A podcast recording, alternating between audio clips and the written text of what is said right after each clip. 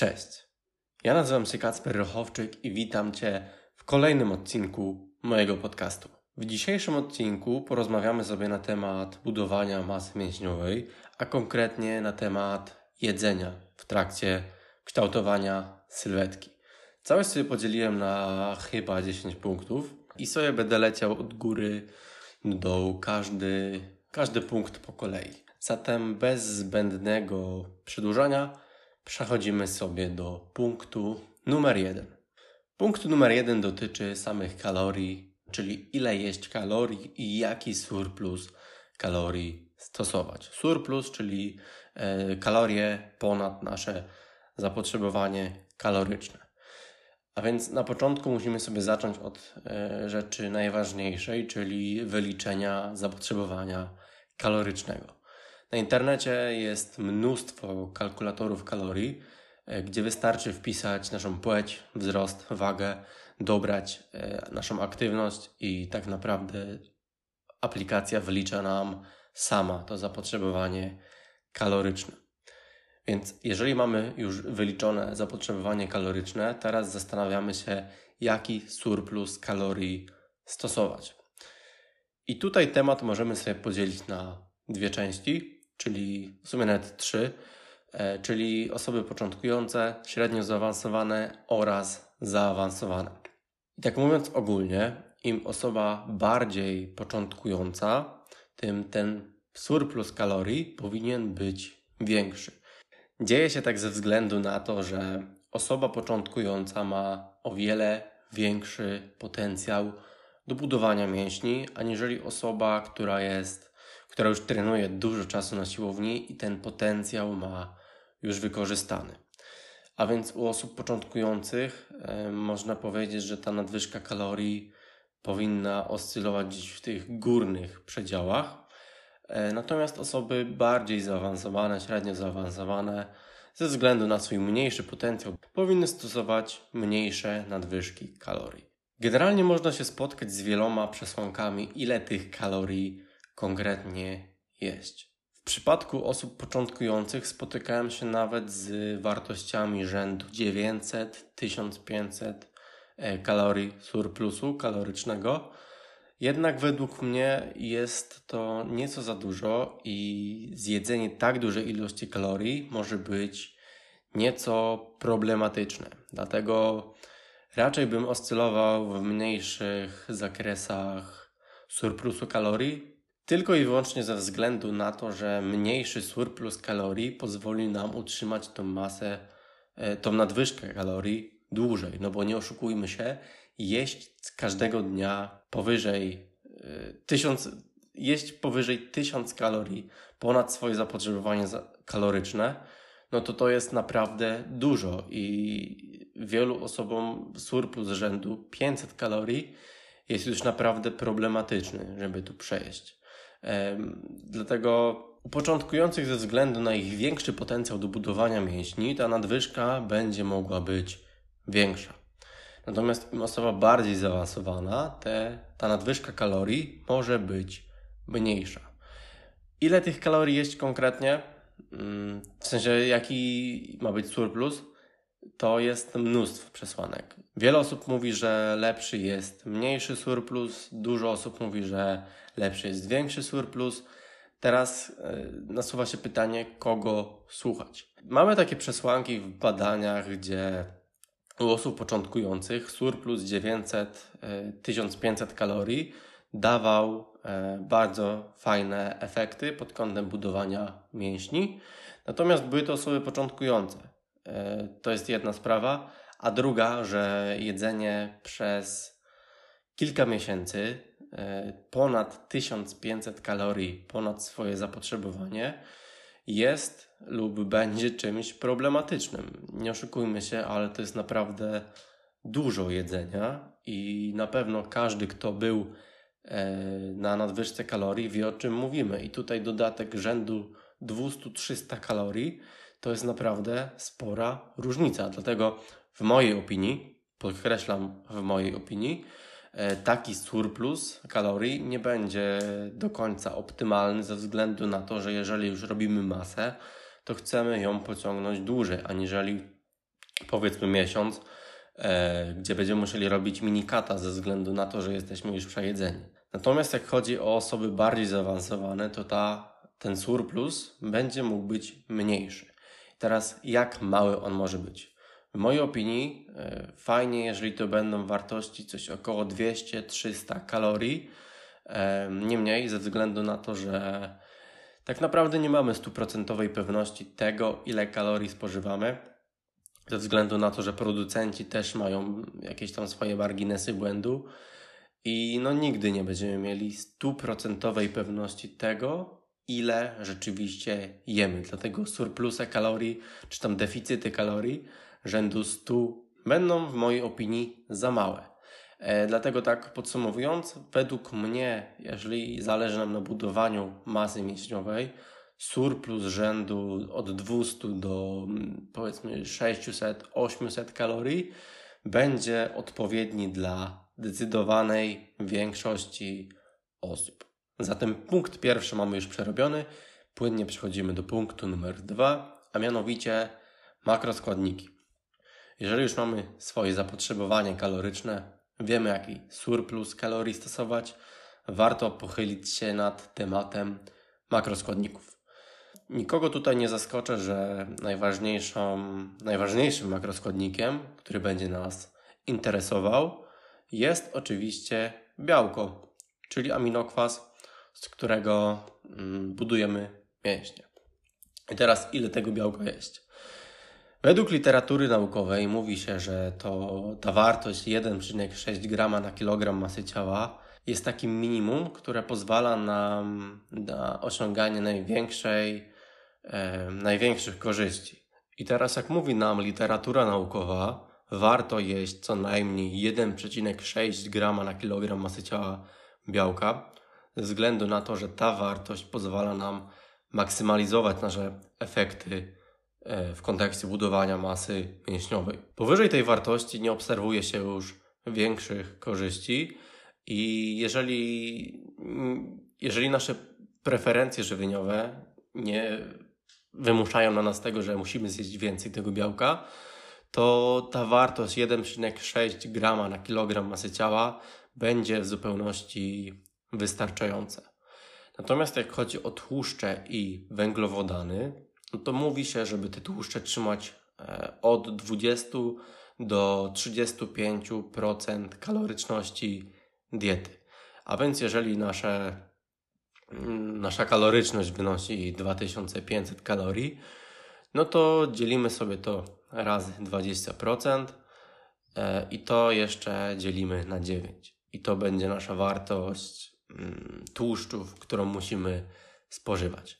Natomiast jak chodzi o węglowodany, no to tutaj e, pozostaje nam reszta kalorii.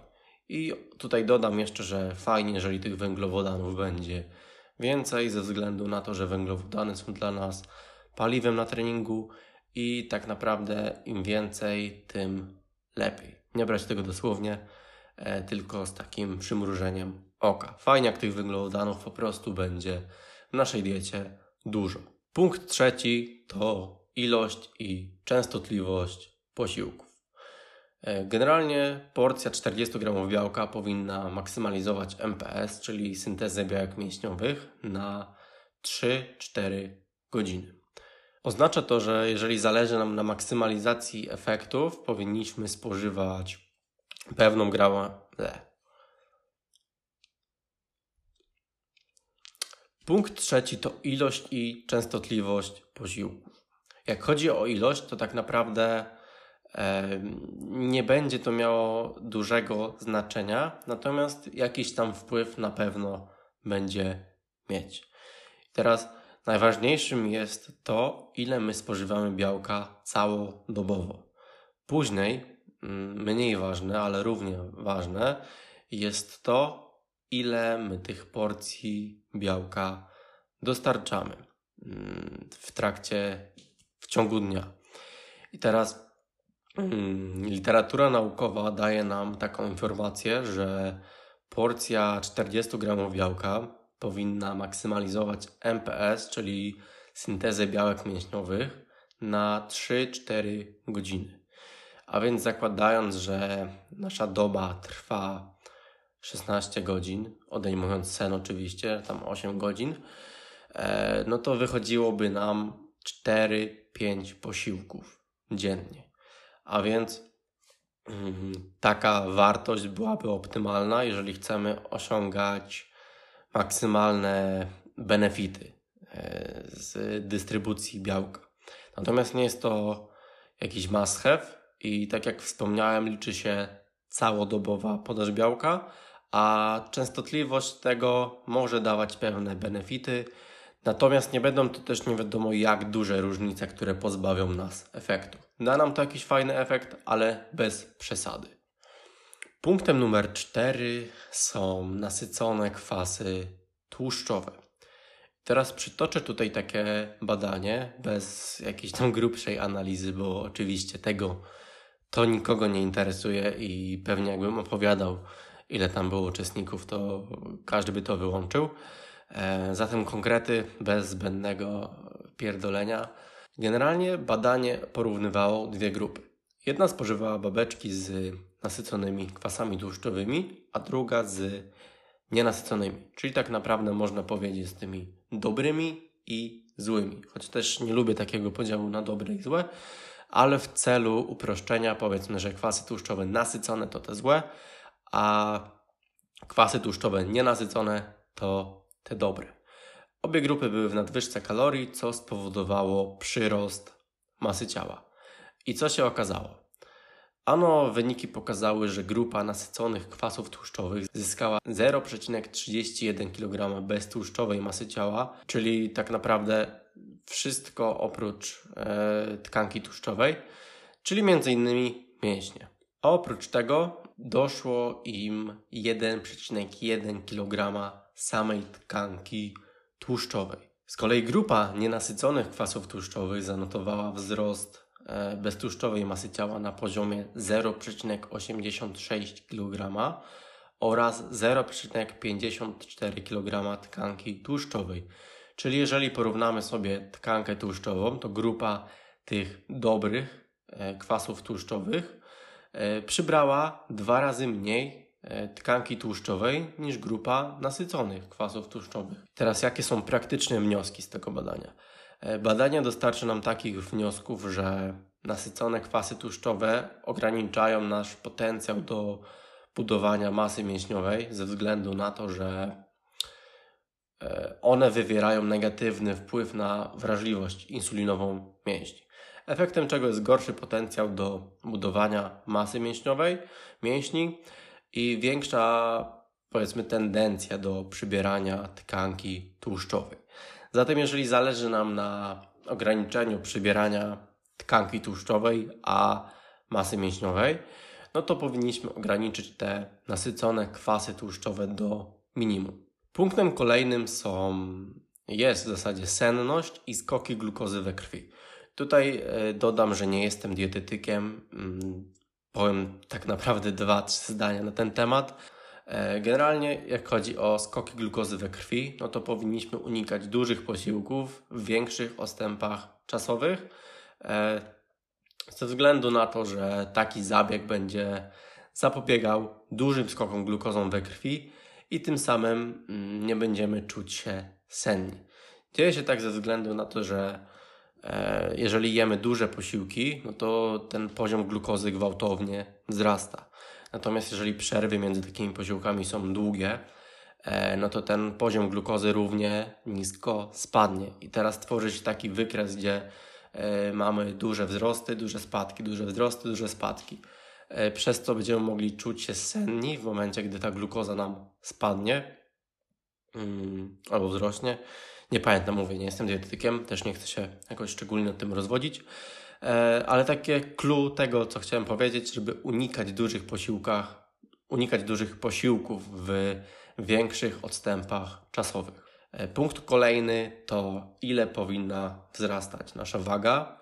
I tutaj jest w sumie wiele przesłanek na temat tego, ile powinna wzrastać nasza masa ciała podczas budowania masy mięśniowej.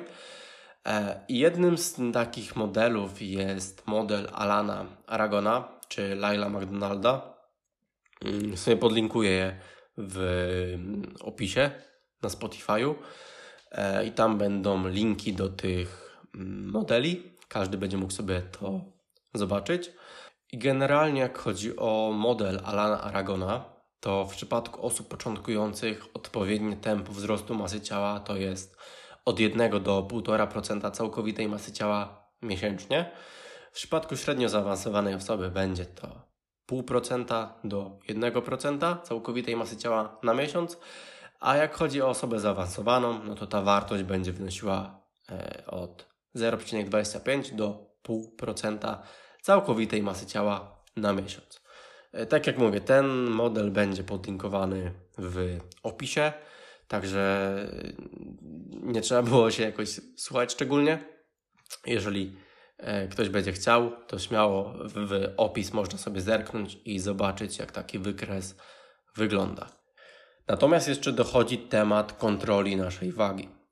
Teraz postawmy sobie taką sytuację, gdzie ważymy się raz w tygodniu, e, powiedzmy w sobotę, no, co tydzień. Ważymy się raz w tygodniu, co tydzień w sobotę. E, I weźmy sobie taką sytuację, że mamy do czynienia z sytuacją stresową. I teraz nasz organizm reaguje na sytuacje stresowe wzrostem, mm, retencją wody i tym samym nasza waga wzrasta. I teraz mm, powiedzmy, ważyliśmy się tydzień temu, waga pokazała 80 kg.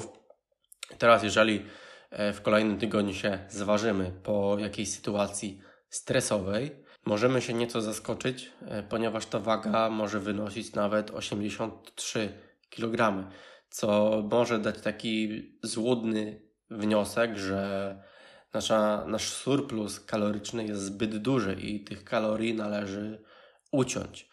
Natomiast nie powinniśmy patrzeć na to e, tak dosyć zero-jedynkowo, powiedzmy, tylko w szerszej perspektywie czasu, bądź spróbować e, ponowić te pomiary jakoś po paru dniach. Ze względu na to, że czasami, tak jak wspomniałem, możemy mieć do czynienia ze stresem, przez to nasza waga wzrośnie.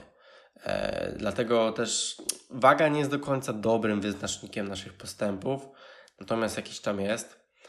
E, I też, znaczy, może inaczej. Waga może być dobrym wyznacznikiem, natomiast należy wiedzieć, jak z niej korzystać.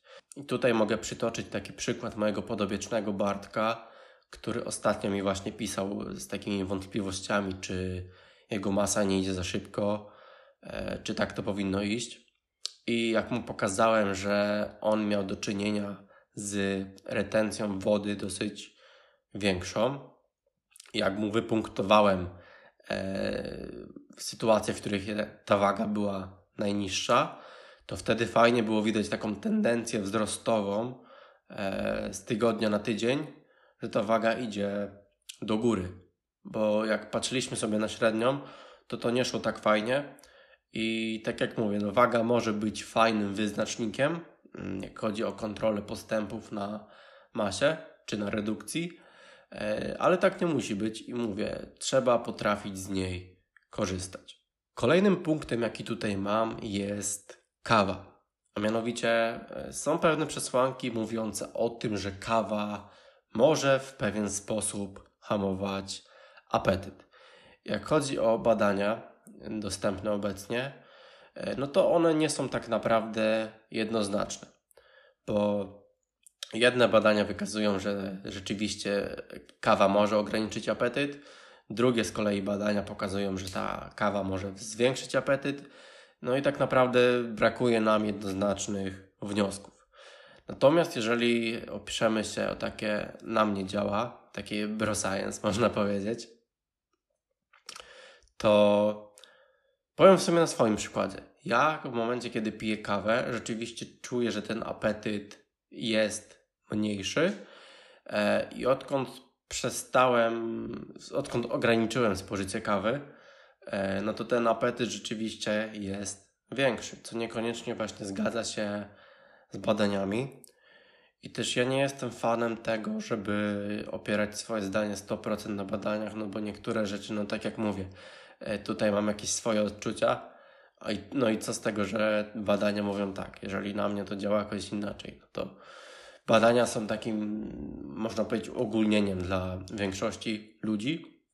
Natomiast jeżeli coś, jeżeli coś mogę sprawdzić e, gołym okiem, powiedzmy na sobie, no to oczywiście tutaj nie będziemy patrzeć na badania. No, tylko jeżeli ja czuję to w ten sposób, że kawa pozwala mi ograniczyć apetyt, no to tutaj tak naprawdę nie ma z czym dyskutować. Dlatego, e, tak podsumowując, kawa może ograniczyć apetyt, nie musi tak być, ale jeżeli jesteśmy na masie i mamy problem z przejedzeniem, no to fajnie jest tą kawę po prostu ograniczyć, spróbować, jak to będzie wyglądało. E, I kolejną kwestią w sumie, mm, jak chodzi o apetyt, jest właśnie błonnik, który również e, może w istotny sposób ograniczyć nasz apetyt, e, ze względu na to, że on wiąże wodę i nas syci. Tutaj też chyba nie będę się jakoś mocno rozwodził. Jeżeli mamy problem z przejedzeniem kalorii, no to ten błonnik możemy w pewnym stopniu ograniczyć. Oczywiście nie do zera, tylko do pewnych tam granic.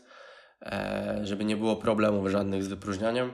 Także na temat błonnika myślę, że to tyle. Mówię, nie jestem dietetykiem, nie chcę też jakoś szczególnie się tutaj wypowiadać na tematy e, odżywiania. E, I sobie przechodzimy do punktu ostatniego, który nosi nazwę Czym nabijać kalorie. I tutaj dostałem też pytanko mm, w okienku, które dałem na Instagramie, bo mam odpowiedź, czym nabijać cukier. Mm, to znaczy, no, przekręciłem. E, czym nabijać kalorie? I jedną odpowiedzią jest cukier. I dostałem pytanie właśnie do ilu, mm, do jakiej wartości warto go ograniczyć. Generalnie tutaj jak ze wszystkim to dawka czyni truciznę e, i odpowiedź jest taka, że nie ma, popadać, nie ma co popadać w żadne skrajności. Nie ma, co te, nie ma sensu też ograniczać go do kompletnego zera. Natomiast też nie możemy pójść w drugą stronę i jeść go do woli.